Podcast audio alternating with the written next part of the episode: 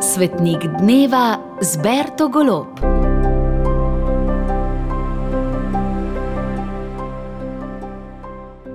Brigita Irska, opatinja.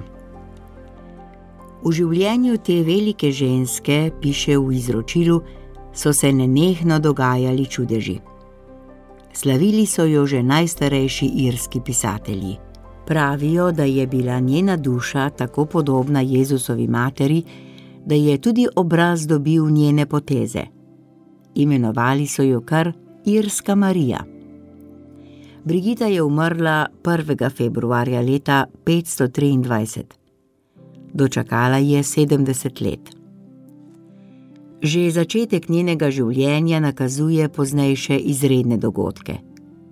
Njena mati je bila sužnja bogatega Irca, in ko je njegova zakonita žena zvedela za moževo nezvestobo, je tako, kakor nekdaj Sara, izgnala sužnjo iz hiše. Stvari pa so se po božji milosti odpletale tako, da je bil otrok deležen dobre vzgoje pri pobožni kristjanki. Deklica se je razcvetela v mili lepoti in oče jo je vzel domov za pastirico. Odlikovala se je po bogoljubnosti in dobrotljivosti. Odklanjala je snupce in njen ženin Jezus jo je uslišal, da je oslepela na eno oko in da je obraz postal iznakažen. Zdaj so se snupci umaknili, oče pa ji je izpolnil željo, da bi živela v samoti. Tudi njeno nadaljne življenje je nenavadno.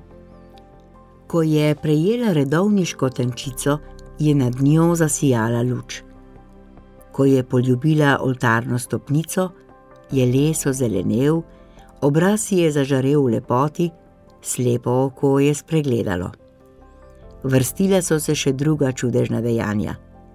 Brigita je medtem po Irski ustanavljala samostane in bila opatinja. V Kildareju je en stolp njenega samostana še vedno ohranjen. Danes je na koledarju tudi sever Ravenski iz 4. stoletja, ki je bil tkalec volne. Menda se je golob spreletel nad njegovo glavo in to je bilo znamenje, da so ga izvolili za škofa.